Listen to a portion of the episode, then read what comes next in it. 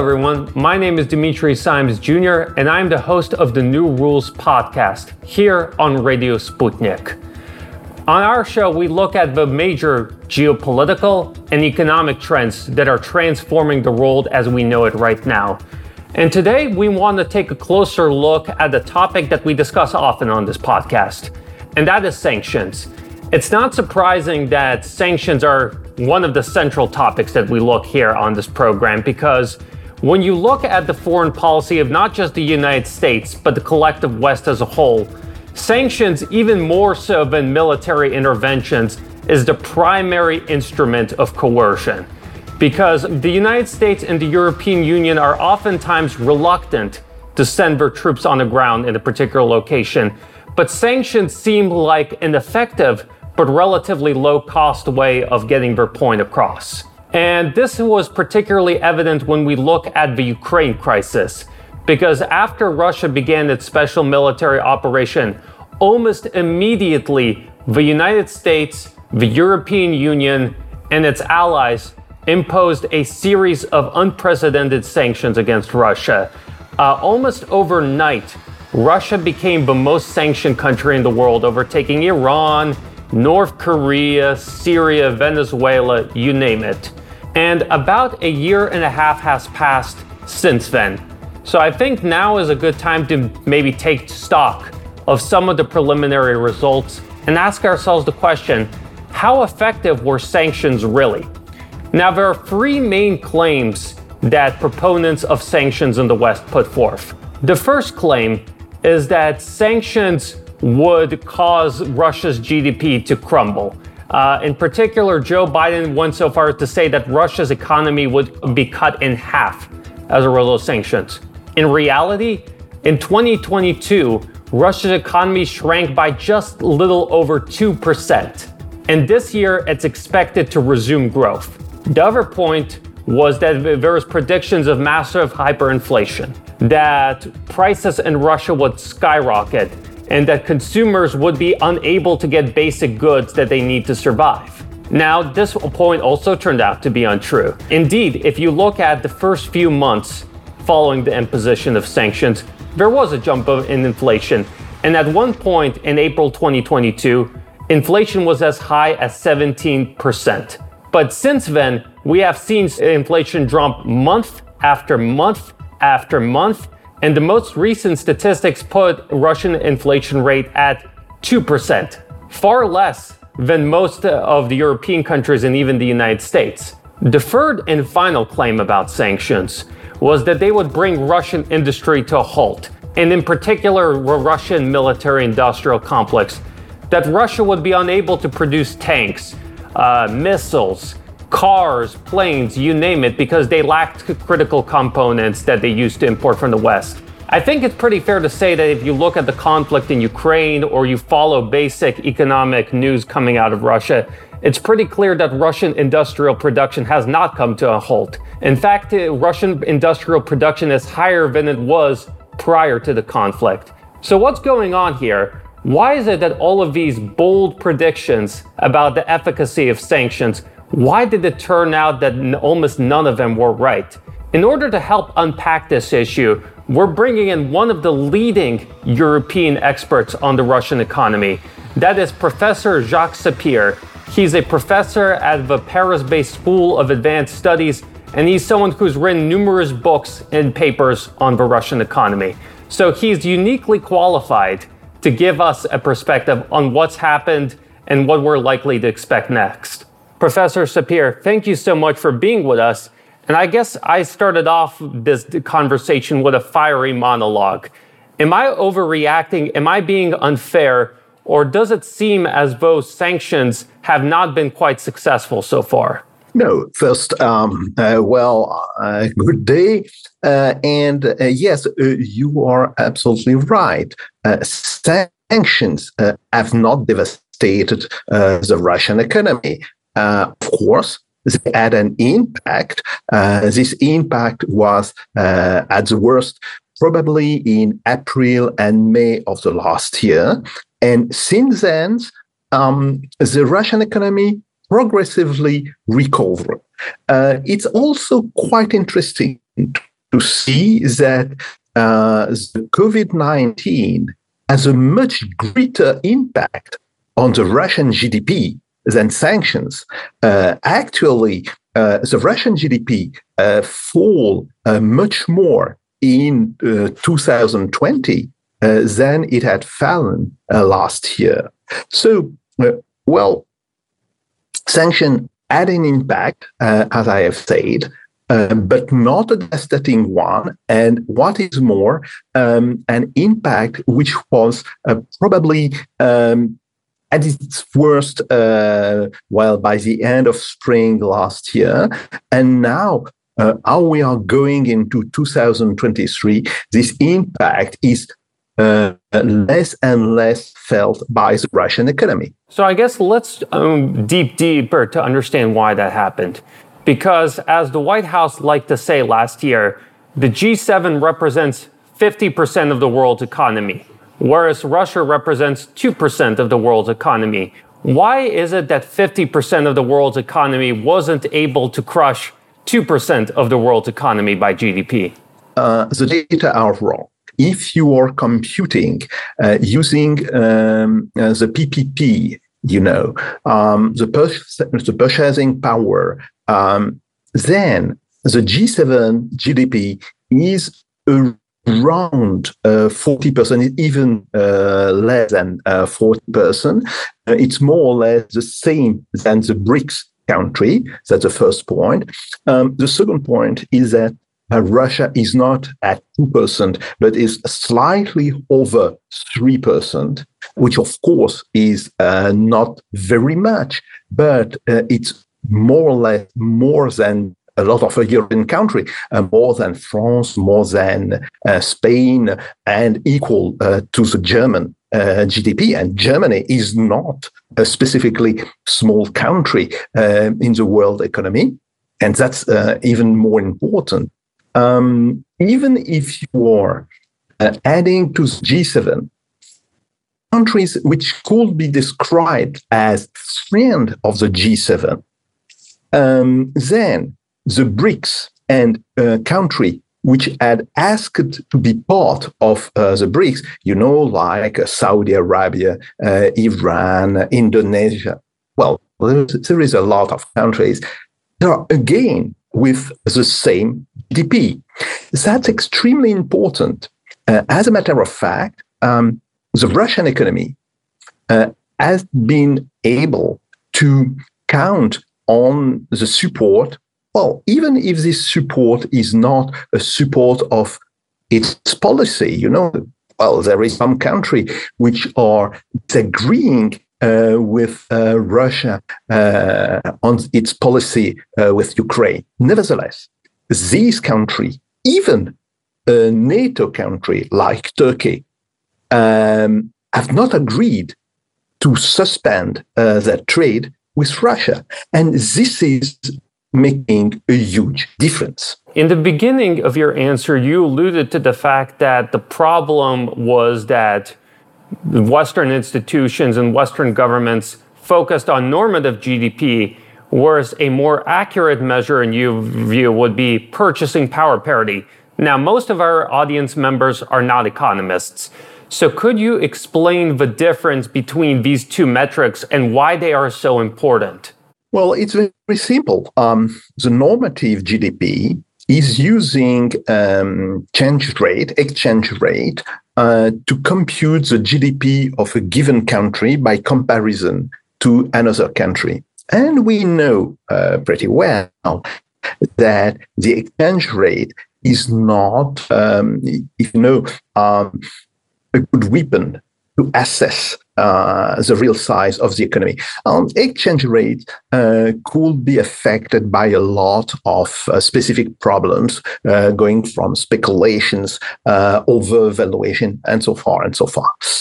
The purchasing power uh, you know, what we call the PPP uh, in our uh, economic slang, um, is actually uh, looking at relative price. That is, uh, how much, let me say, oil uh, is making by comparison to wheat or to a car uh, in a, in country X, and then looking at how much it is doing in a country Y, and then we are re-establishing a true exchange rate, and then we are making the comparison. And this is a much more accurate method uh, to make a comparison.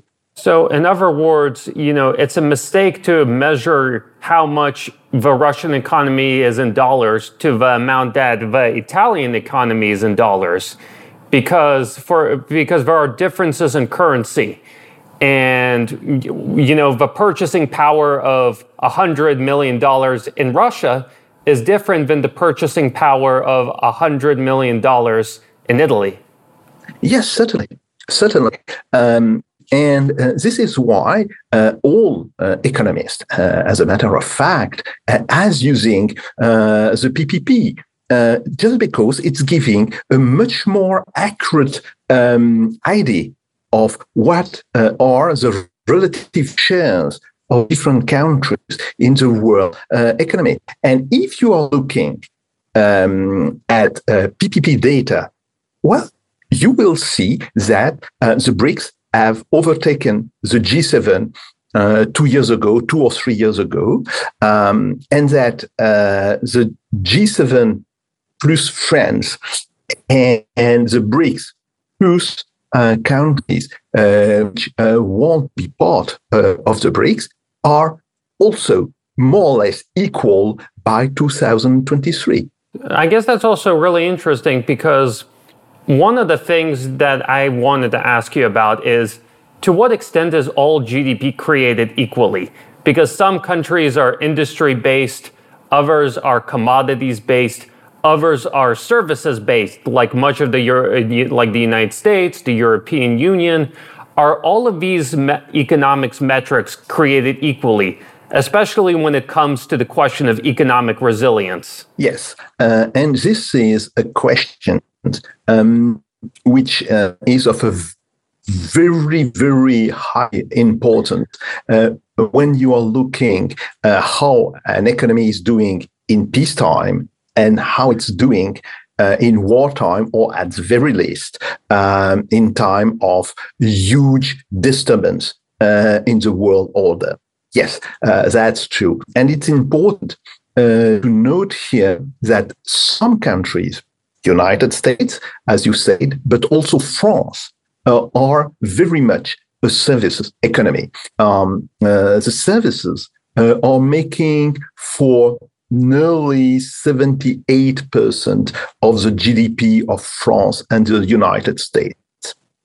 Germany uh, is around uh, 69%, which is less, but which is still uh, quite important. Russia, uh, to the contrary, um, is seeing its services uh, making just for 62% uh, of the GDP before 2022 actually in 2022 uh, the size of the services uh, have reduced, and the size of the industry uh, and the contribution also uh, of the industry, uh, constructions, uh, agriculture have uh, very much increased. So I think that we are right now um, much closer to 60% than to 62%. And what is extremely important is that in China, services are just making 50%, actually even less, I think, uh, 48% uh, from uh, 2012 to 2018 uh, is an average, uh, are making so around 48 or 50% uh, of the GDP.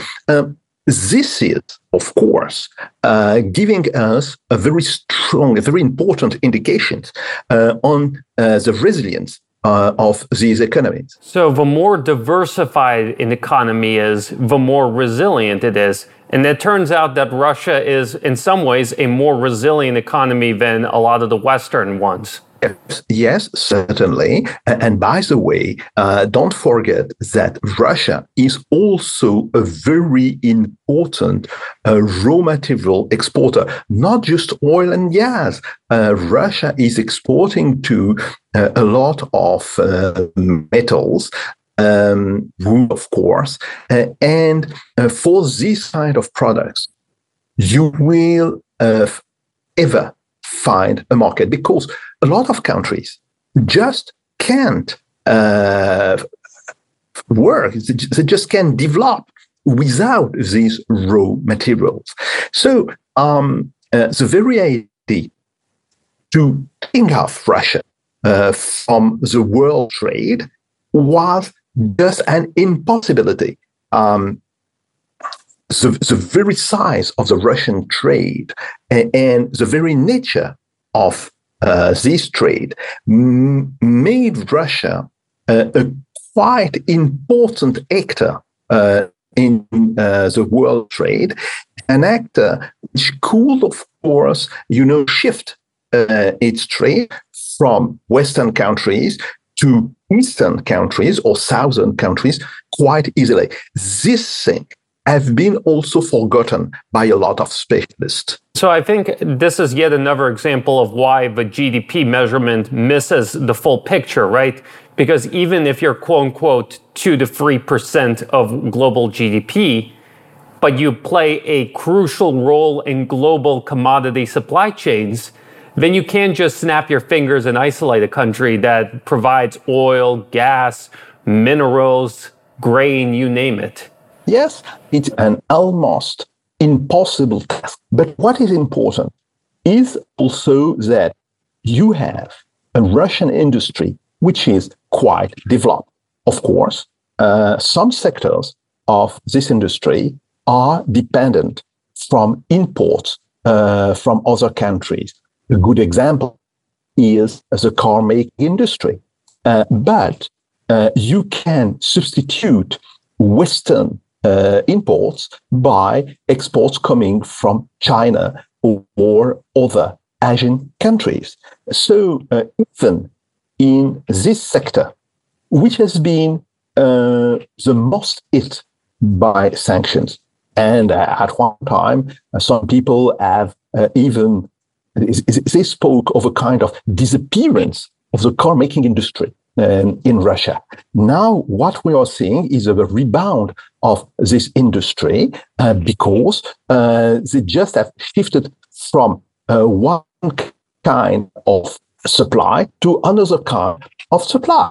And uh, this is, of course, developing um, in a lot of other sectors, uh, which are much less dependent of imports uh, than was the car making industry. It's also uh, quite interesting.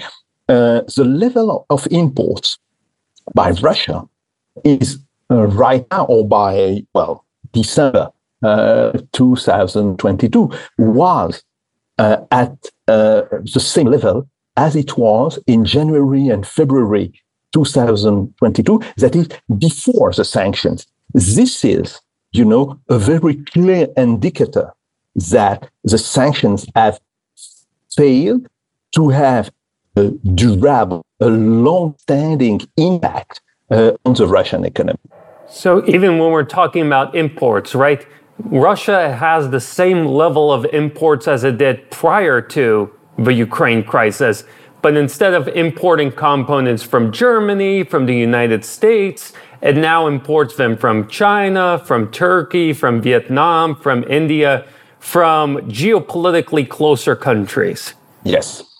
Yes, uh, it's absolutely true. And, uh, you know, uh, the notion of friendly countries, by the way, it's not a notion uh, which is a Russian one. Actually, uh, in a lot of Western countries, we are now talking about uh, friendly shoring, you know, that is um, putting some of our industry in country which could be sought as friends of our own country. So the same apply uh, to Russia, and Russia is using um, friendly partners, or at the very least, partners uh, which are neutral uh, toward Russia. India is a very, very good example. Uh, the Indian government didn't approve um, the Russian policy toward Ukraine. Uh, the Indian government uh, is still asking both uh, Russia and Ukraine to uh, make peace, or at least to have some discussion which could end into a kind of peace. Nevertheless, um, India has developed uh, to a considerable level its trade to, uh, with Russia. And that's extremely interesting.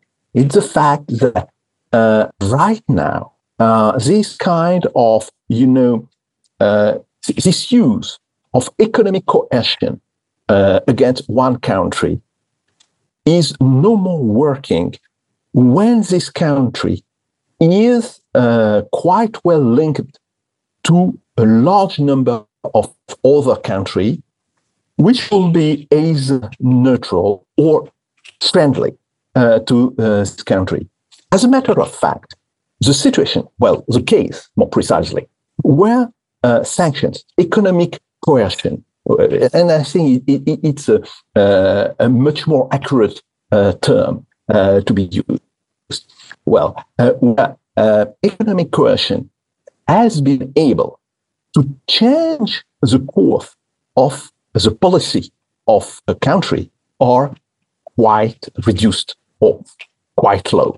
Um, of course, we had uh, the very well known example uh, of Rhodesia, uh, which in the end accepted uh, the uh, United Nations uh, decisions and well the, the white government uh, uh, transferred the power uh, to the black populations.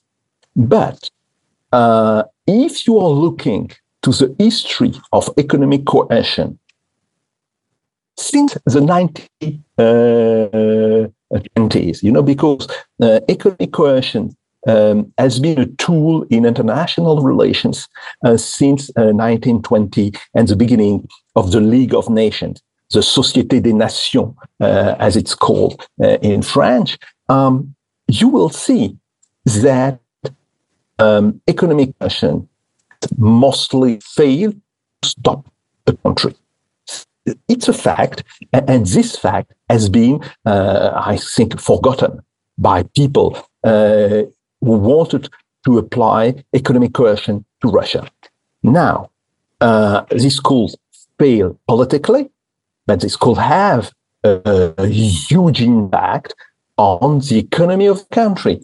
Look at Iran, uh, look before at Iraq, uh, before 2003.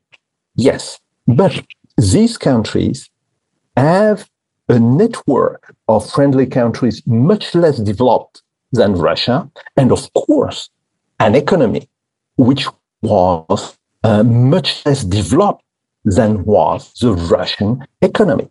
And this is again um, a thing which is explaining us why economic coercion uh, largely missed its targets in the case of Russia. In the spirit of playing devil's advocate, Professor, when you look at the sort of official statements that come out of Washington, uh, Brussels, and also arguments made by pro sanctions experts in the West. They say that sanctions have not worked so far, but over time, sanctions will cripple Russia's economic development, Russia will fall behind the West, and that it's a long term game. Do you think, is that a fair assessment? Will Russia decline technologically and economically if it doesn't have the relationship that it once did with the West? Well, um, this idea uh, was grounded on what had happened uh, to a country like Iran uh, or uh, even to Iraq before the US invasion of 2003. But in both cases, um, uh, these both countries have been unable uh, to rebuild uh, their trade, and uh, they still had a level of imports much less reduced by reason of what it was before the sanctions.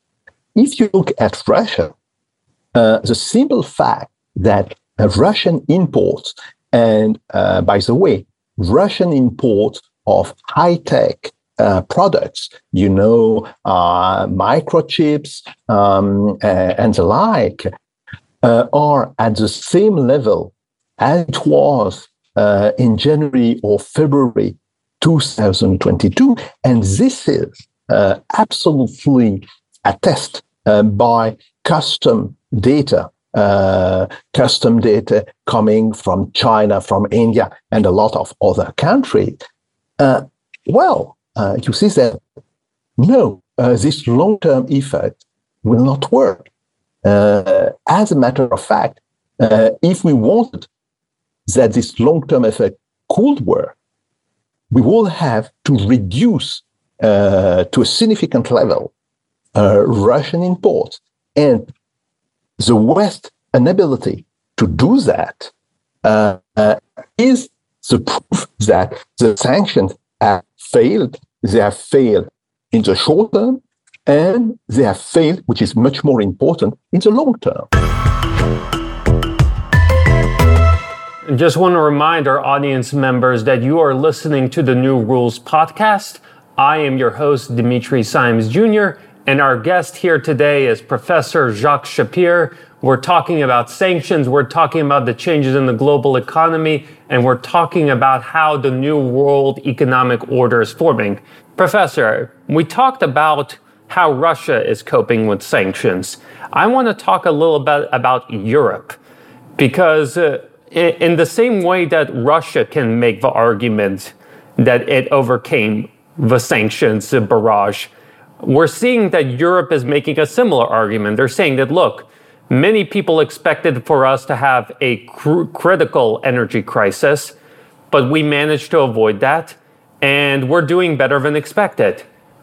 As someone who's in Europe right now, how would you assess Europe's response to the sanctions outfall, and how well do you think the European economy is holding up so far? Problem of European countries was that um, they got uh, a supply of energy at a quite cheap price coming from Russia. Uh, oil and, of course, gas. And that was extremely important because one country in Europe, uh, Germany, had decided to close its nuclear power stations and to replace them mostly by gas. Now, with uh, the interruption of oil and gas trade, and by the way, this, this interruption is not uh, is not a fact. Uh, of course, um, imports from Russia have been reduced, but they have been stopped. Uh, and I, I will, um, ex- well, I will explain why uh, after that. Um, well, uh, the simple fact that countries like Germany, Italy, have to shift from gas coming from Russian or uh, gas um, ga- gas pipe um, uh, to that country. That to shift to uh, LNG, that is uh, liquid uh, natural gas, um, is having a huge impact, even if uh, the quantity will be the same, because uh, the use of LNG is uh, having a cost much higher than the use of natural gas coming from Russia. That's the first point. So, uh, as a matter of fact, it's uh, the competitiveness of European country which has been uh, shaken uh, and which, which will be shaken durably uh, at least till these countries have developed another or a new um, energy model for them. Now, the problem of uh, the so called winter uh, 22. Uh, it's true that uh, European countries didn't have the capacity uh, to replace all the Russian gas by LNG because um, uh, the number of LNG stations, or uh, what is also uh, called regasification stations uh, on different harbor uh, of European countries, was just not enough uh, to replace the whole Russian gas. But the Russian gas didn't stop uh, at once. You know, it decreased progressively. Uh, and even now, uh, there is still a small amount of Russian gas uh, going uh, uh, to Europe. So, the necessity to substitute gas by LNG and to build new stations for regasifications, uh, also to build new ships to transport uh, this liquid gas. Um, and uh, these ships uh, are uh, uh, taking time to be built. Um, this has not been major problem this winter, just for one reason. this winter has been particularly mild. But uh, if the next winter, or even the winter 2024, uh, will be harsh, then there will be a serious problem because uh, the complete substitution uh, of Russian gas by uh, LNG will take around three years or maybe four you know. Uh, well, it, it's, a, it's, a, time to build new regasification uh, capacities and to build new ships uh, able to transport uh, this uh, liquefied uh, natural gas from other countries, you know, like Angola, Mozambique, or even from the United States, of course, to Europe. So uh, it is not because the problem has not ar- arose um, last winter that it will not uh, arose for the next winter or even for the winter after. But the most important thing is, I repeat, to understand that uh, the whole energetic model of European countries has been taken to the roots. And the simple fact to have to substitute LN, um, uh, Russian gas by LNG is uh, making cost uh, hover by 20 to 30 percent. And this is major competitiveness problem for these countries. I mean, you described the adjustment process that needs to be made, and it sounds both multi layered and expensive. Uh, I remember reading earlier this year uh, a report from the Bruegel Institute that said that the European Union countries had to spend about 800 billion euros last year to protect households and consumers from rising energy prices. And as you mentioned, last winter was relatively mild. So you know, this was a best case scenario for them. How sustainable would this kind of spending be over a two to three year period, especially if things get worse and the European Union would have to spend even more to protect households and consumers from rising energy prices? We don't know, but uh, I think um, it, it, it's quite uh, cautious to uh, to think that uh, it will not be uh, a problem of cost. That is, uh, if the EU has to spend again uh, 700 or 800 billions for next winter and again for next winter, it will do that. Well, uh, the European Central Bank will probably provide this money. Of course, we will have uh, a huge problem after that uh, for uh, public spending, for budget. Uh, the level of debt will be pretty high. But I think that um, this kind of shielding, both of, of household and of enterprise, from the consequences uh, of sanctions, uh, that could be done for uh, the next two years. It is not the problem. The problem is how to restore, how to rebuild um, European competitiveness in the 10 years. Because with energy costs much higher, uh, much higher for gas, much higher also for oil, because now uh, we are buying oil uh, at a very high price when other countries like China, like India, uh, are buying oil at a much reduced price from Russia. Uh, the problem of competitiveness uh, will be a very, very serious one. Just look at what is happening uh, with Germany. Uh, the trade surplus of Germany has considerably decreased, and the German economy is right now uh, in a quite mild recession. Uh, the German GDP uh, has been minus 0.5% uh, for uh, the last uh, quarter of uh, 2022. It's again uh, minus 0.3% for the first quarter of this year. Okay, but still, um, this is a problem. And, and, the problem of the trade surplus of Germany is a, a very serious one. And will be even worse for countries like France or Italy or, or Spain.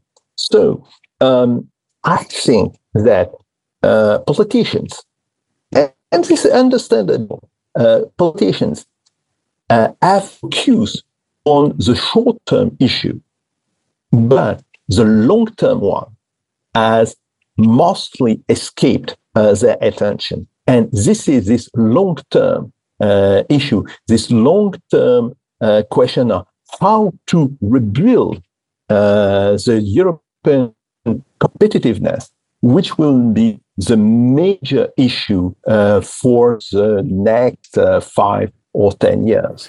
And I think it's worth reminding our audience members that even before the Ukraine crisis, there were signs that the European econ that Europe as a global economic player was losing its clout compared to the United States, China, other players, because when you look at, for example, global share of GDP, in 1960, Europe was about 36% of global GDP.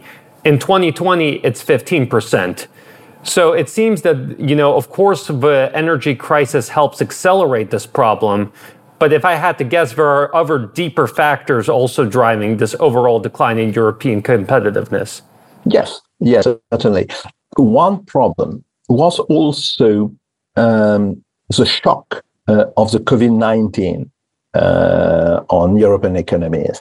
Um, as a matter of fact, um, the crisis induced by the COVID 19 has been much worse uh, in Europe than it was either in the United States or uh, in Asia. Uh, in, in, Asian countries and, and in China, um, the shock has been uh, much less reduced. Of course, uh, China had uh, its problem. You know, um, the zero COVID uh, strategy uh, used by China um, ended up uh, into quite a problem to exit this kind of strategy. Well, it, it's a classical problem to adopt a strategy which could be effective, but uh, you uh, don't know how to exit from uh, this strategy. and I think that actually the decline of Europe has began probably um, in the 2010s.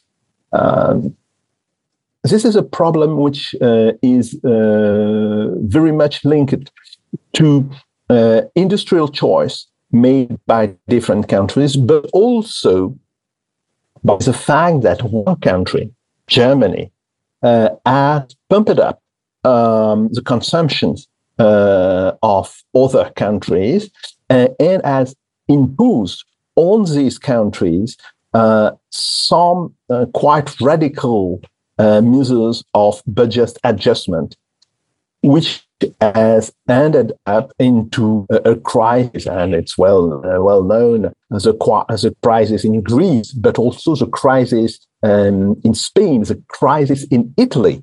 Uh, actually, um, uh, the Italian GDP per capita has been stable or decreasing since 2000 or 2005. You know, um, this is an important fact. Uh, and uh, I think that coming on the top of this long term problem, having a new energy problem in Europe uh, is, of course, uh, now uh, confronting uh, European politicians with some very, very hard decisions, you know, how to restore the competitiveness uh, of the country, how to do so without shaking uh, considerably um, the uh, structure uh, of the European Union. Yes, this is major problem, and this is a problem. Um, well, we can't know what uh, could be uh, the solutions uh, uh to this problem, but these solutions has to be found in the next five or the next 10 years or uh, Europe, the European Union, um, countries uh, belonging to the European, the European Union will progressively disappear as a major actor uh, in uh, the global economy. I want to remind our audience members that you are listening to the New Rules podcast. I'm your host, Dimitri Simes Jr., with our wonderful guest, Professor Jacques Sapir.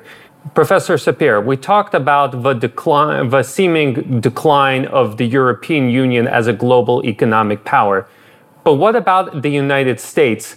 Will the 21st century is it on course to still be an American century when it comes to economics, are we starting to finally see signs that the giant could be defeated? Well, um, actually, uh, the United States uh, adds a hour of glory um, after 1991.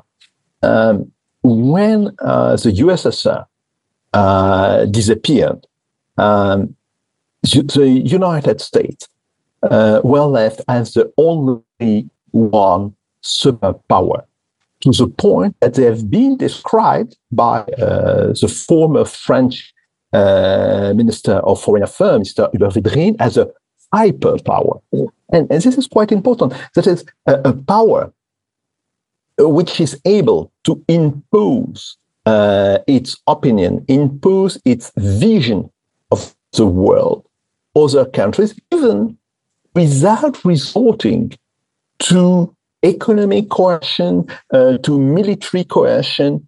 Uh, it's just its whole power, which is making its decisions, uh, you know, uh, absolutely obvious for other countries.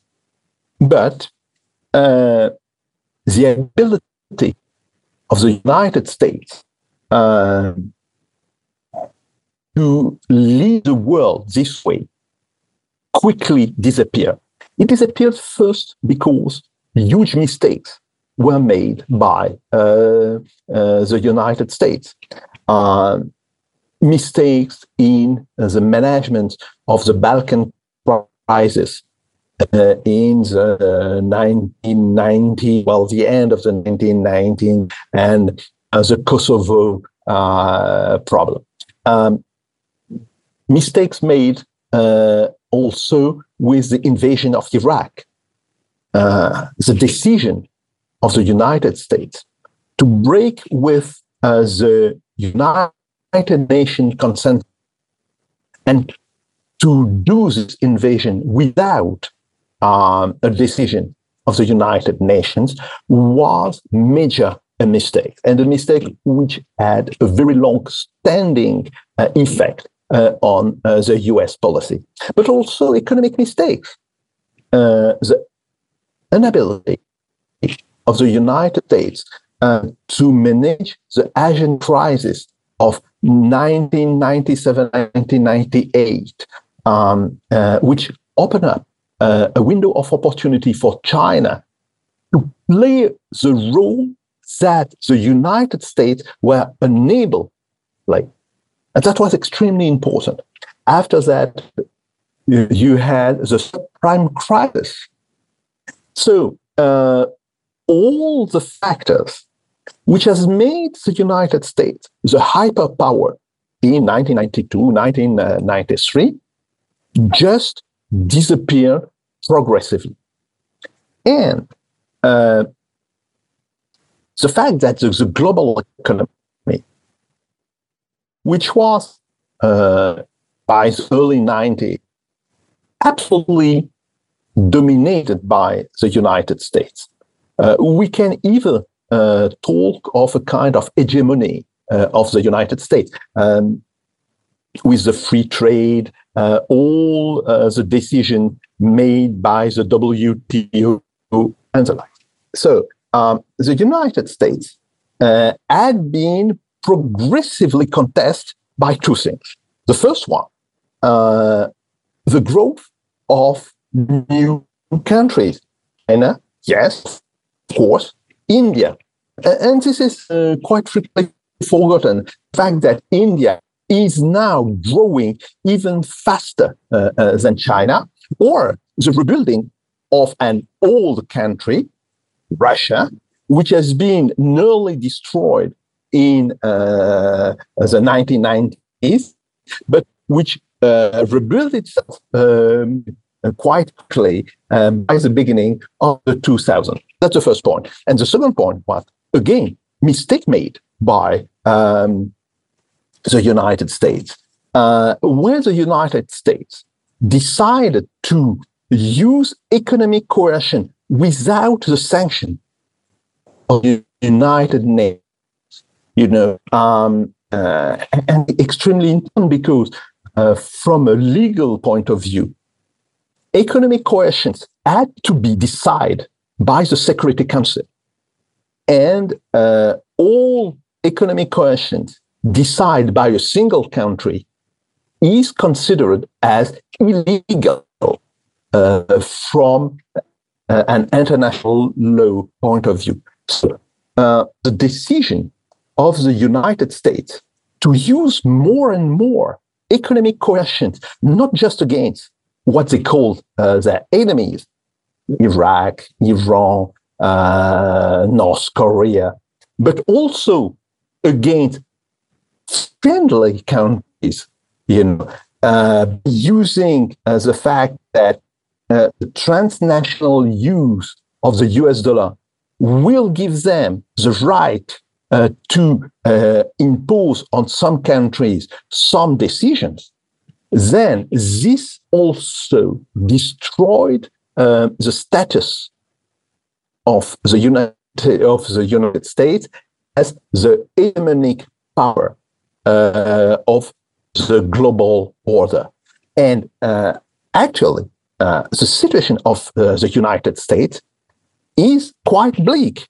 I'm not talking about uh, the budget issue, you know, uh, uh, the, the debt ceiling.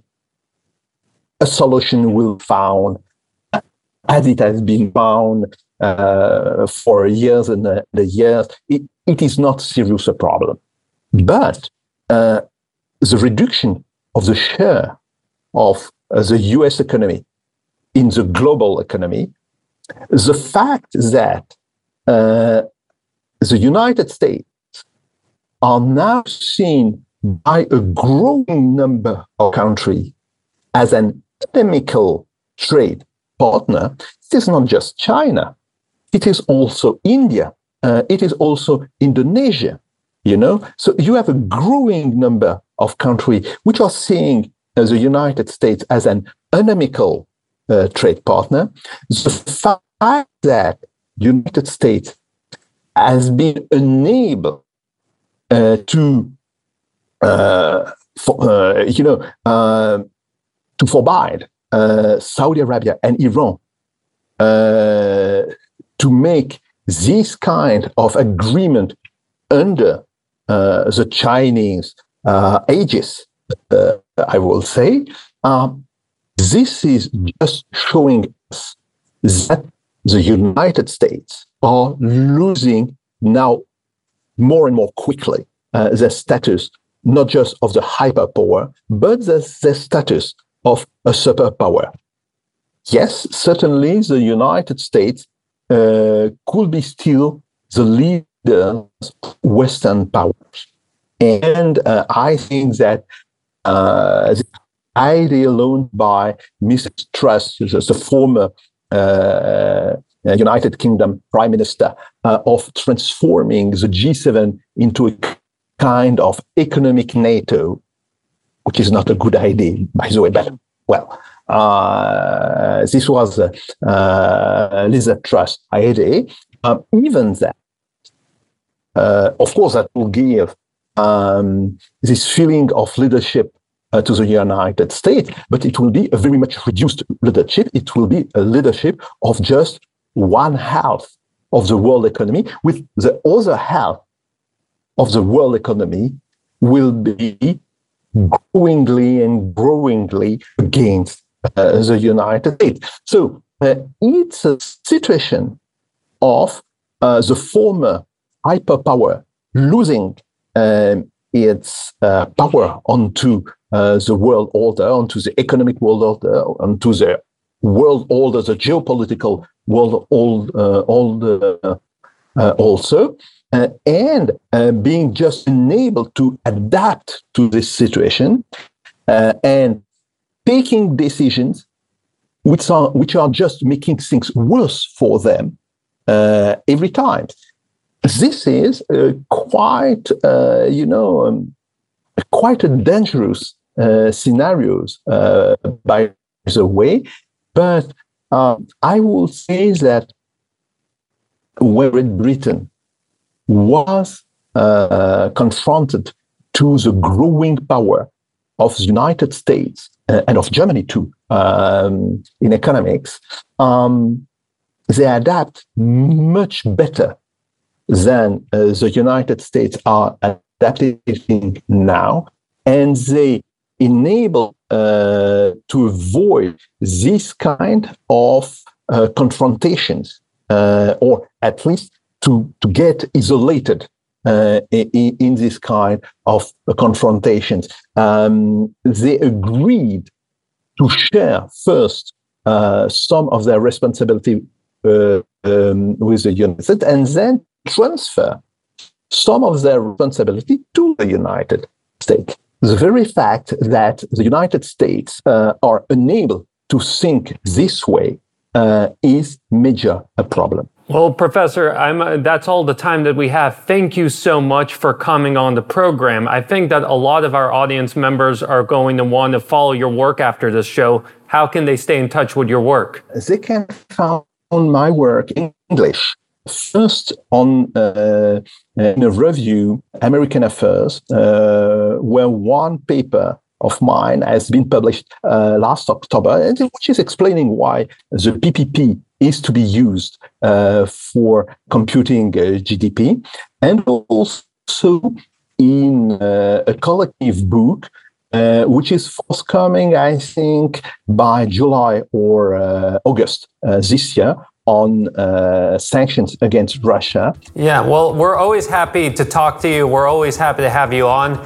And for our audience members, I just want to remind you that you can find our full exclusive interviews, first of all, on Telegram. So be sure to follow us uh, there at Sputnik International. If you happen to be in the United States or the European Union, one of those places that have banned our wonderful Telegram channel, then you can find the interviews on our website, Sputnik International. or you can go onto Odysee and follow us there. So don't worry, you have plenty of options to keep up with our work. And until next time.